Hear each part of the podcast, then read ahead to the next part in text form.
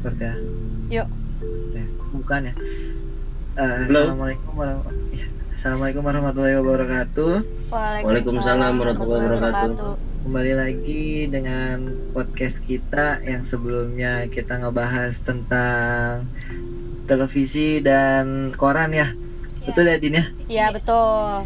Ya, kita kembali lagi di sini mau ngebahas soal media lama dan media baru dan kita kedatangan narasumber ya. Emang karena diharuskan ada narasumber, kita datangkan narasumber di sini ada dari eh, jurnalis fraksi partai PKB ya. Eh, ada eh, ada Ahmad Rifki Amin. Halo. Halo, assalamualaikum. Waalaikumsalam. Ya, apa kabar Gimana semuanya? kabarnya? Alhamdulillah baik. Baik ya. baik baik ya udah boleh dari Dinda Halo, balik lagi sama gue Dinda untuk nerusin podcast yang kemarin. Jadi hari ini gue sama teman-teman gue mau bahas tentang media lama sama media baru. Lebih ke medianya ya. Kalau kemarin kan eh, lebih ke eh bener deh ke alatnya ya. Kemarin kan tentang koran Ya. sama televisi. Sekarang kita bakal ngasih sedikit perbandingan lagi yang ngobrol-ngobrol ditambah sama narasumber. Eh, kita bakal bahas tentang media lama dan media baru. Oke, Bang mau nanya dong Bang. Eh, menurut Abang, kenapa sih Bang media lama masih bertahan sampai sekarang? Ah, yang pertama saya terima kasih dikasih kesempatan untuk menjadi salah satu narasumber di podcast kamu sebagai ah, bahan tugas kuliah ya. Iya, Yang sama-sama. kedua soal bahan apa media lama dan media baru. Saya kira ini pertanyakan balik gitu Eh, literatur kata media lama dan media baru. Karena dalam konteks dunia media itu kita perlu mengenal soal sejarah eh, perkembangan media itu sendiri ya. Ada dikatakan lama ya pada akhirnya karena transformasi hari ini kan eh, dunia berkembang, teknologi berkembang hingga ada yang pada akhirnya ada yang pada akhirnya adalah yang disebut akhirnya menjadi media lama dan media baru. Eh, kalau ditanya apakah media lama itu akan bertahan atau tidak gitu, saya kira itu eh, kontekstualitas hari ini ya di dunia yang begitu canggih, transformasi teknologi hingga dalam konteks eh, apa namanya di- ada ada perubahan, ada yang disebut dengan transformasi di dunia media, begitu. Oke. Eh, terus, Suaranya bisa lebih keras lagi nggak? halo denger ke Bang? Ya ya. Nah, oke. Menurut Abang, eh, kenapa sih Bang media lama tuh masih bertahan sampai sekarang kan? Soalnya di zaman yang kayak gini ya, walaupun ada transformasi, pasti sedikit-sedikit tuh media lama masih digunakan. Itu menurut Abang, alasannya media lama bisa bertahan di masa transformasi sekarang tuh gimana ya Bang? Ka- menurut kamu saya mau tanya balik ya definisi yang menurut kamu media lama itu seperti apa? Kalau media seperti lama, apa misalkan contohnya? Kalau menurut aku sendiri ya bang, media lama itu kan eh, media lama tuh bisa dibagi jadi dua, media cetak sama media elektronik. Nah, untuk media cetak sendiri tuh kan kayak koran sama majalah.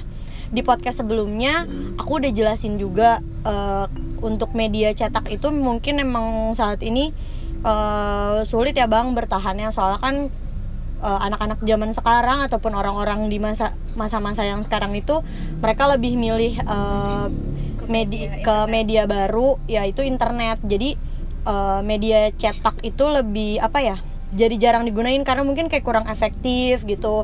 Orang juga males bawa-bawa koran ke mana-mana. Jadi eh, pada beralih ke jadi beralihnya ke digital. digital gitu. Dan menurut aku pribadi dari kayak perusahaan-perusahaan penerbit koran gitu-gitu ya kayak penerbit koran, penerbit majalah, mereka beralih ke digital untuk narik perhatian para pembacanya gitu. artinya begini jadi saya kan mau mau menyamakan frekuensi dulu gitu ya. Media ini kita bicara berarti kan konteksnya adalah komunikasi ya komunikasi massa dan media massa betul kan? Iya, betul. nah jadi eh, salah satu partisinya itu kan adalah satu, satu contoh media massa yang disebut dengan old fashion itu mungkin hari ini disebut old fashion karena ketinggalan zaman. Kalau misalkan eh, dilihat konteksnya hari ini karena begitu majunya teknologi hingga ada digitalisasi ya. Transformasi media cetak mulai mulai meninggalkan eh, apa mulai ditinggalkan karena sudah bertransformasi ke era digital adanya handphone terus internet ya Iya. iya betul jadi eh, kalau menurut salah satu pengusaha besar itu ya di MNC Group itu ulang tahun terakhir kemarin itu Haritano menyebutkan printing is dead. Apa tuh bang? Printing is dead artinya media cetak itu mati. Tapi sampai hari ini dia punya salah satu korannya itu Sindo cetak news itu masih jalan. Hmm. Tapi Oh, saya kira iya. ada kabar terbaru juga yang kemungkinan besar itu tutup adalah Tempo. Tempo cetak itu per Januari 2020 itu sudah announcement tidak lagi eh, tidak lagi ada versi cetaknya. Mereka langsung ke versi digital Oh. itu salah satu oke. yang saya kira juga tergerus zaman. Kalau dibilang kenapa masih hari ini masih ada yang bertahan, pertama eh, satu sisi nilai historinya ya, Mm-mm. ada spirit, ada ada semacam spirit historical yang rasanya kok menyedihkan sekali gitu, ketika di harus totally mati. Totally printing is dead gitu. Ada ada yang belum bisa menerima konteks itu gitu. Hmm. Iya.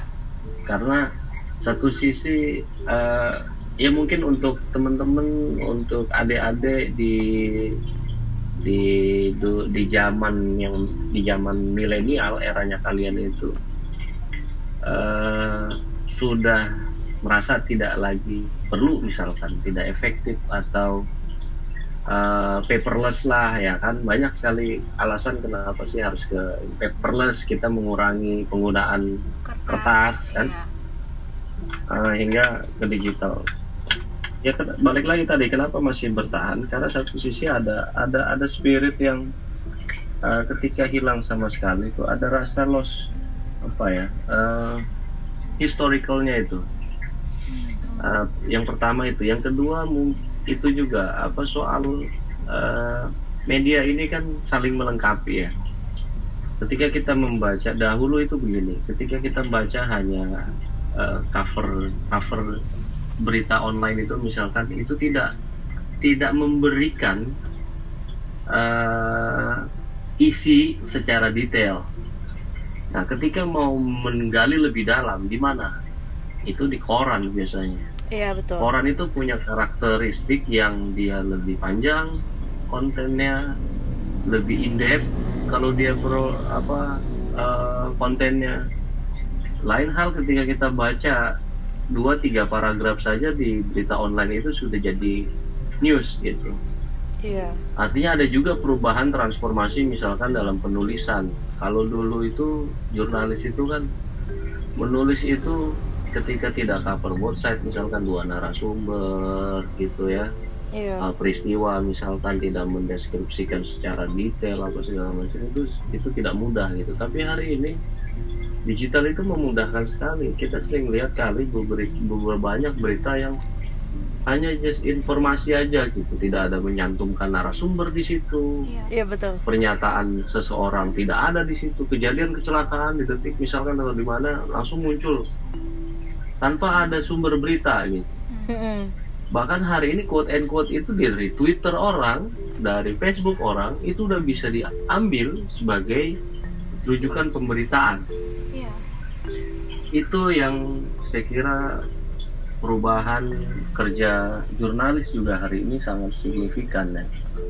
Tidak investigatif ya tidak seinvestigatif ketika hanya koran misalkan zaman dulu. tuh di era era era sebelum adanya transformasi media di secara digital saya kira itu Eh, Oke bang, ini aku mau tanya untuk abang sendiri lebih prefer Hmm. menggunakan media lama atau media baru nih? Dan alasannya kenapa? kalau sampai saat ini sih saya masih double double ya masih di media lama saya oke yang disebut yang kalian sebut itu Iya, dengan media lama prefernya gitu ya. Saya masih masih pakai masih membaca eh, baik itu koran gitu di kantor tapi koran itu terbatas sekarang ya Iya, hanya di betul. kantor karena untuk pertama untuk eh, setiap orang ini kan punya karakter karakteristik market beda-beda ya kalau Iya. orang saya masih butuh itu kenapa untuk melihat eh, framing Hmm. Untuk melihat detail deskripsinya. Karena di, di tulisan itu dalam bentuk kertas itu jelas lebih apa lebih lebih eh, lebih detail. Lebih deskriptif lebih detail dan lebih lebih mendalam. Informasinya jauh lebih mendalam ketimbang kita baca hanya sebatas di online-nya saja gitu. Oh, lebih jelas di media lama itu ya di koran itu ya. Betul, betul. Betul. Misalkan begini, untuk satu kejadian kejadian politik peristiwa politik misalkan Iya. eh, tragedi kemarin misalkan satu contoh pembun apa yang diasumsikan apa penembakan eh, aksi aksi brutal di tol itu ya Iya. FPI atau yang brutal itu polisi kita nggak tahu sampai hari ini kan masih dilihat investigasi kalau baca hanya satu link berita saja Heeh. terus kita baca link kedua gitu tambah informasi lagi. Tapi ketika kita baca heningan di koran itu sudah tiga link online. Mm-mm. itu dalam satu koran itu satu pemberitaan itu jadi satu badan berita. Oh iya betul betul. Ya itu yang yang yang yang perlu ditelaah gitu ya. Tiga kita baca tiga link di pemberitaan online. Itu di koran kita baca satu tapi isinya Heeh. itu itu itu menarasikan tiga pemberitaan bahkan sampai empat bahkan lima pemberitaan. Kenapa? Karena dia headline-nya di depan. Dia kasih lagi nih halaman berapa gitu kan. Biasanya kan begitu bersambung iya. Nah, kita baca di halaman mukanya di cover depan bersambung di halaman berapa gitu kan. Nah itu Iya. hampir setengah halaman. Mm-mm. Artinya lebih deskriptif dan lebih sangat lebih lebih deskripsi aja lebih mendalam gitu lebih detail ya lebih detail, lebih detail. Artinya hari ini masih bertahan banyak orang yang masih butuh kedalaman, ya, butuh kedalaman, butuh eh, dan satu satu lagi nih dokumentasi. Dokumen. Hari ini ini dokumentasi. Jadi koran itu di di DPR saya lihat beberapa fraksi itu masih melakukan clipping koran. ya. Oh, wow Koran itu masih masuk di ruang-ruang anggota dewan.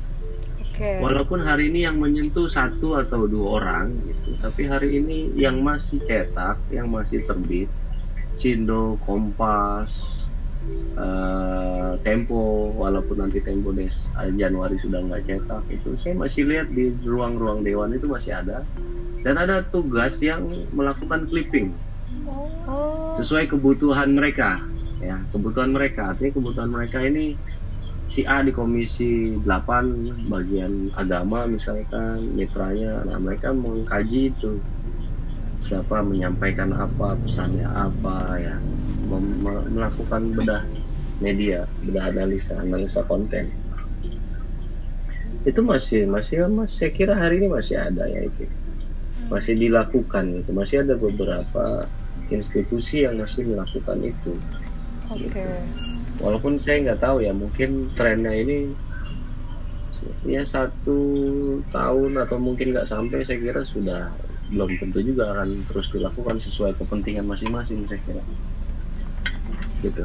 Oke, berarti kalau menurut abang sendiri tuh eh, koran itu sebenarnya masih sangat berguna ya bang. Contohnya kayak buat anggota-anggota dewan kayak gitu ya masih raj- berarti masih rajin juga ya berarti eh, masih cukup apa ya koran tuh bener-bener jadi salah satu eh, media Kebutuhan eh, media untuk mencari informasi secara detail gitu. Kalau betul. Kalau untuk tertentu ya nggak semua nggak semua. Jadi karakteristik orang kan macam-macam. Oh jadi iya betul marketnya tuh kalau di kalian di teman-teman muda milenial koran itu udah bukan segmentasinya ya pasarnya. Jadi kenapa koran ini ada? Jadi eh, sesuai segmennya ya digital ini kan memberikan jawaban buat kalian gitu ya. Kalian ini kan mencari melacak informasi segala macam itu semuanya sudah di digital. Tapi ada marketplace yang marketplace koran itu masih punya gitu. Di, di mana? Usia-usia berapa gitu kan? Di usia 40 50 itu itu masih ada orang yang masih merasakan butuh ya. Iya betul. Karena ya di era kalian saya saya nggak tahu ya. Apa kalian pernah merasakan misalkan di rumah melihat koran atau baca koran? Karena ada ah, kemarin saya membaca be- ada seorang penulis saya punya kawan itu bagaimana dia menilai ketika koran itu berhenti beredar. Itu nanti banyak hal. Pertama yang hilang adalah peloper koran. Iya betul. Hari ini banyak yang pulang kampung proper koran kalau pagi ada yang keliling di perumahan Iya. lemparin. iya ya kemudian apa ada lagi yang kalau pagi dia baca koran itu sambil ngetes sama keluarga iya betul betul menariknya di mana ketika koran itu tarik tarikan selembar dipinjam di sana selembar dipinjam di sini oh iya betul Nah, nuansa-nuansa itu yang saya kira eh, itu akan loss, itu akan hilang. Pada satu waktu pasti sangat mungkin itu hilang. Hanya kalau untuk hari ini, saat ini masih bertahan. Kenapa? Karena marketplace-nya masih ada. oke betul Marketplace-nya itu siapa? Di usia 40, 50 tadi yang masih merasa gue masih sangat butuh karena Betul. gini ya, misalkan kamu udah biasa makan nasi, Mm-mm. dikasih roti mungkin sehari dua kali bisa makan gitu tapi besok itu mungkin akan kembali lagi ke nasi iya iya karena rasanya beda ya bang ini yang iya ini yang ada ada tes yang ada tes ada rasa ada yang ada ada sesuatu yang yang hilang gitu ketika eh, koran itu sama sekali nggak ada. Nah pengusaha pengusaha percetakan di dunia industri media itu masih mempertahankan satu sisi kenapa? Satu sisi itu soal ini harga diri. Ya ada unsur itu ada harga diri. Ini kalau mati itu gengsi pertama bisa jadi itu loh. Wah kelas kompas misalkan sampai kolaps. Mereka sampai hari ini kalau dihitung dari pemasukan cetak biaya pos dan biaya refund dari penjualan koran yakin saya oh apa tidak nutup itu. Mereka menutupnya itu operasional itu dari mana? Dari online bisnis online. Tapi dari cetaknya itu justru cetaknya yang mendapatkan subsidi nah masih bertahan ini karena soal histori soal pride soal harga diri soal bisnis lah ya. Jadi betul. saya kira hari ini masih bisa bertahan karena beberapa faktor itu juga. Belum sepenuhnya mati kalau menurut saya. Belum sepenuhnya eh, cetak itu mati karena masih banyak juga yang masih bertahan. masih jalan walaupun tanda-tanda kematiannya sudah mulai kelihatan gitu. iya betul berarti Kalau kalau ditanya pasti mati, pasti mati itu satu waktu pasti mati. iya betul betul betul karena kan semuanya bakalan beralih pindah ke Iya. digital kan ya.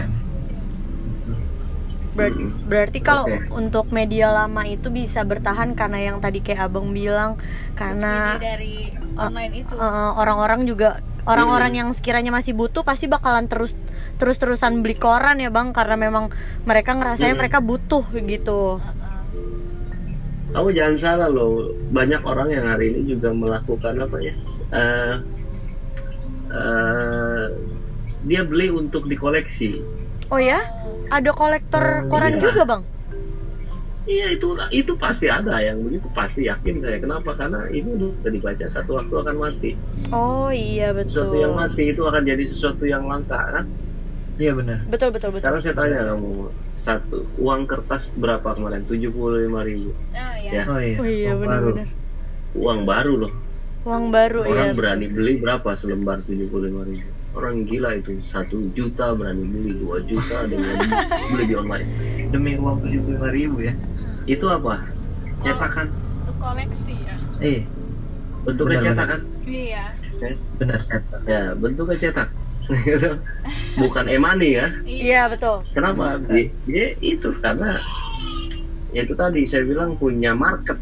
Ada marketplace-nya. Jadi kayak orang dagang lah ya. Iya. Eh, dagang apa itu kan pasti ada marketplace-nya. Walaupun misalkan persentasenya menurun tapi marketplace-nya masih ada. Hanya tinggal soal nutup gak nih? Atau udah dah nyerah gak nih? Itu aja udah sekarang. Oke. Eh, sebagai jurnalis nih bang, ada nggak sih perbedaan publikasi di media lama dan media baru, kayak tulisannya atau isinya gitu? Perbedaan gimana publikasi, gimana? perbedaan publikasi di media lama dan media baru, kayak tulisannya atau isinya gitu? oh ya Mm-mm. kalau bicara pengalaman saya di koran ya ngerasa merasa ya merasakan di koran walaupun itu pun koran saya di koran itu anak perusahaan dari Jawa Pos. Dari apa, rakyat merdeka rakyat merdeka. Eh, anak perusahaan ya bukan rakyat merdeka. Oke. apa nonstop seperti nonstop. Nah itu juga hari ini juga sudah transformasi ke digital. Kalau dibilang eh, perbedaan pasti sangat signifikan. Sangat signifikan. Kenapa? Pertama soal apa ya eh, soal soal gaya penulisan soal style soal eh, kedua itu soal hmm, apa kecepatan Oh iya di online itu kita ditun di, di online itu dituntut cepat. Makanya kenapa ada detik? Sekarang sedetik cut muncul dia tulisan. Iya, aktual. betapa cepat kebutuhan orang akan informasi. Tapi di koran itu dia kan ada jamnya. Artinya satu hari itu ada Iya, ada deadline.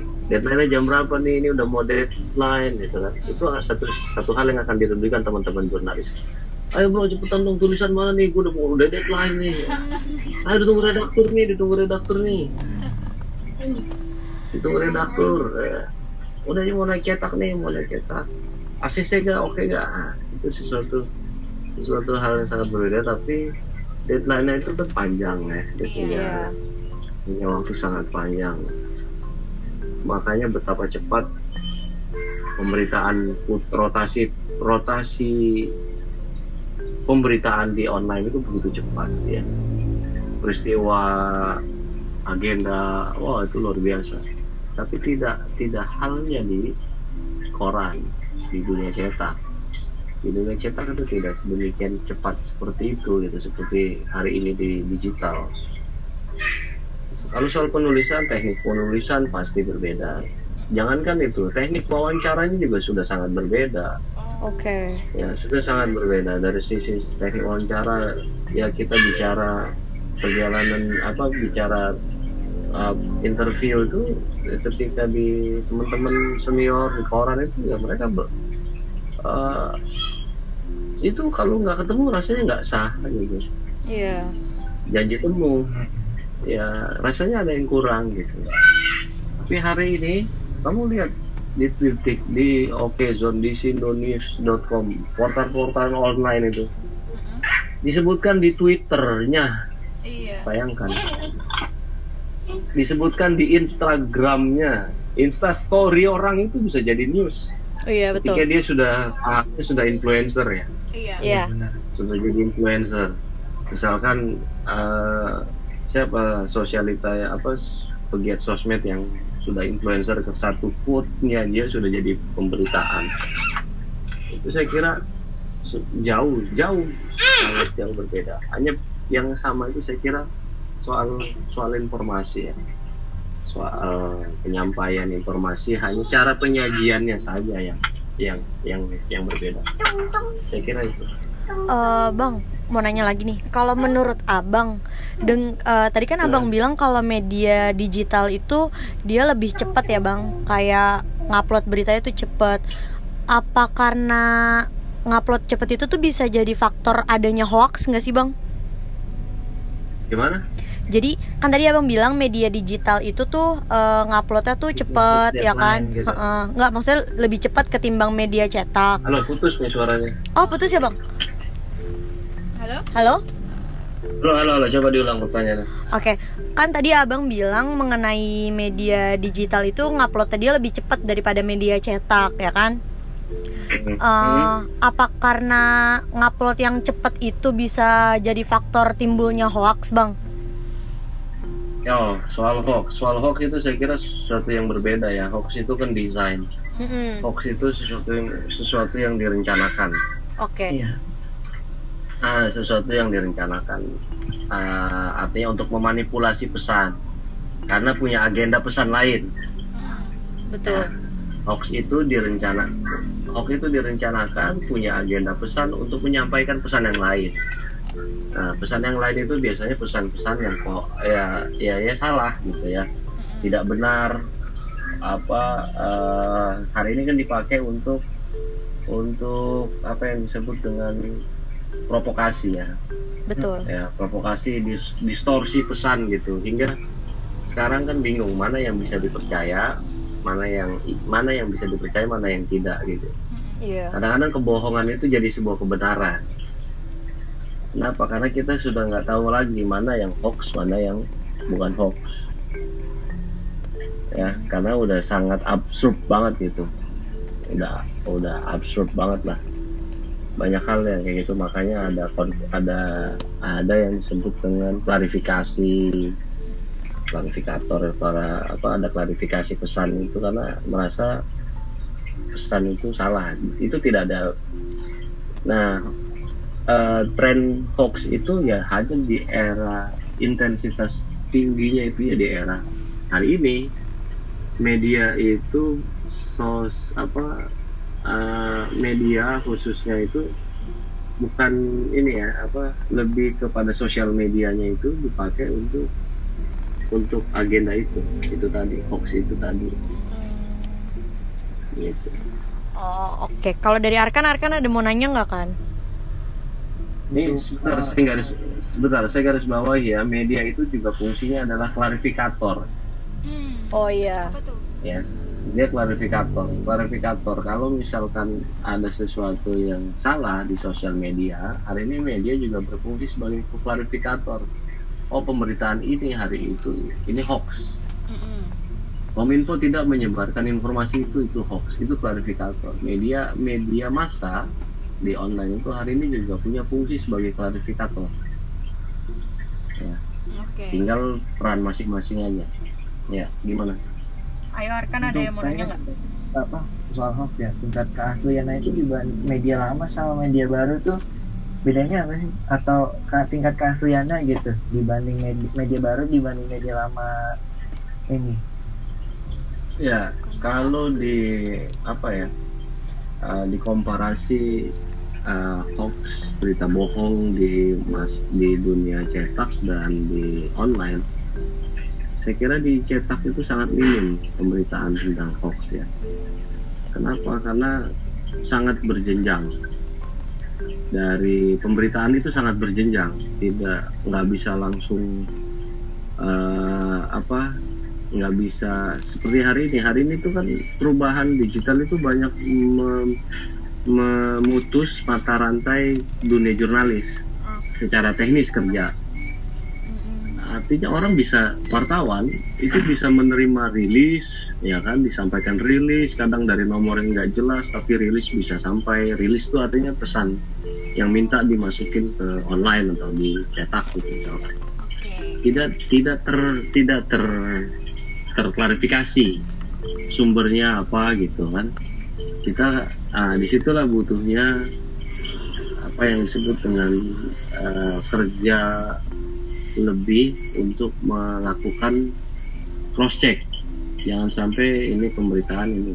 Tapi itu kan saya kira masing-masing jurnalis punya punya cara kerja masing-masing walaupun ada yang disebut dengan eh, kode etik jurnalisnya harus kayak apa gitu bahwa setiap pemberitaan itu harus seperti apa narasumber itu seperti apa narasi konten seperti apa tulisan seperti apa itu kan ada ada ada ada rumus dan ketentuannya Eh, artinya memang su- eh, informasi dan sumber dari suatu berita di koran itu lebih terjamin kebenarannya bang dibanding di koran digital atau yang Internet. ya internet itu jadi minim hoax Iya iya. kalau di koran tuh Iya. minim hoax ya Di di dunia di dunia cetak itu sangat sangat minim yang namanya hoax itu.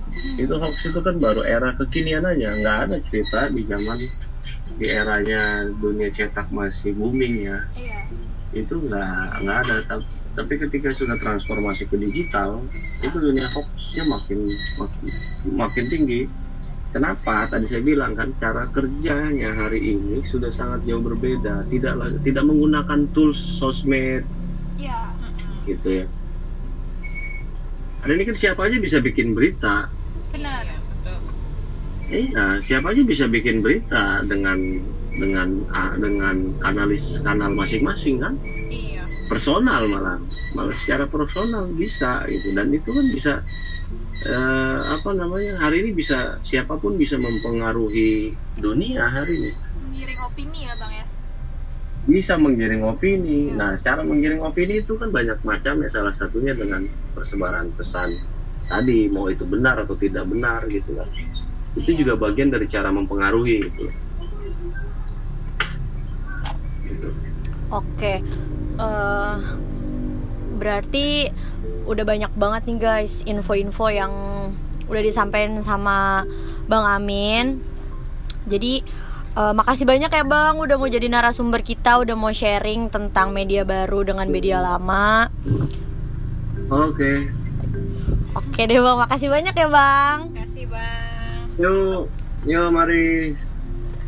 Oke guys, jadi ha- udah cukup ya guys sharingnya hari ini. Tadi udah dijelasin juga sama Bang Amin eh, lebih dalam lagi mengenai media lama dan media baru. Eh, apa namanya? Buat kalian nanti kalian bisa request aja mau ngebahas tentang apa lagi di next episode-nya. Jadi untuk sekian episode kedua di podcast kita bareng gue Dinda gue Suci Afifah dan ada satu lagi tuh yang jauh. Arkan. Oke, ada Arkan. Thank you buat yang udah setia mendengarkan podcast podcast kita kita. Oke, see you at next episode. Bye. Bye. Bye.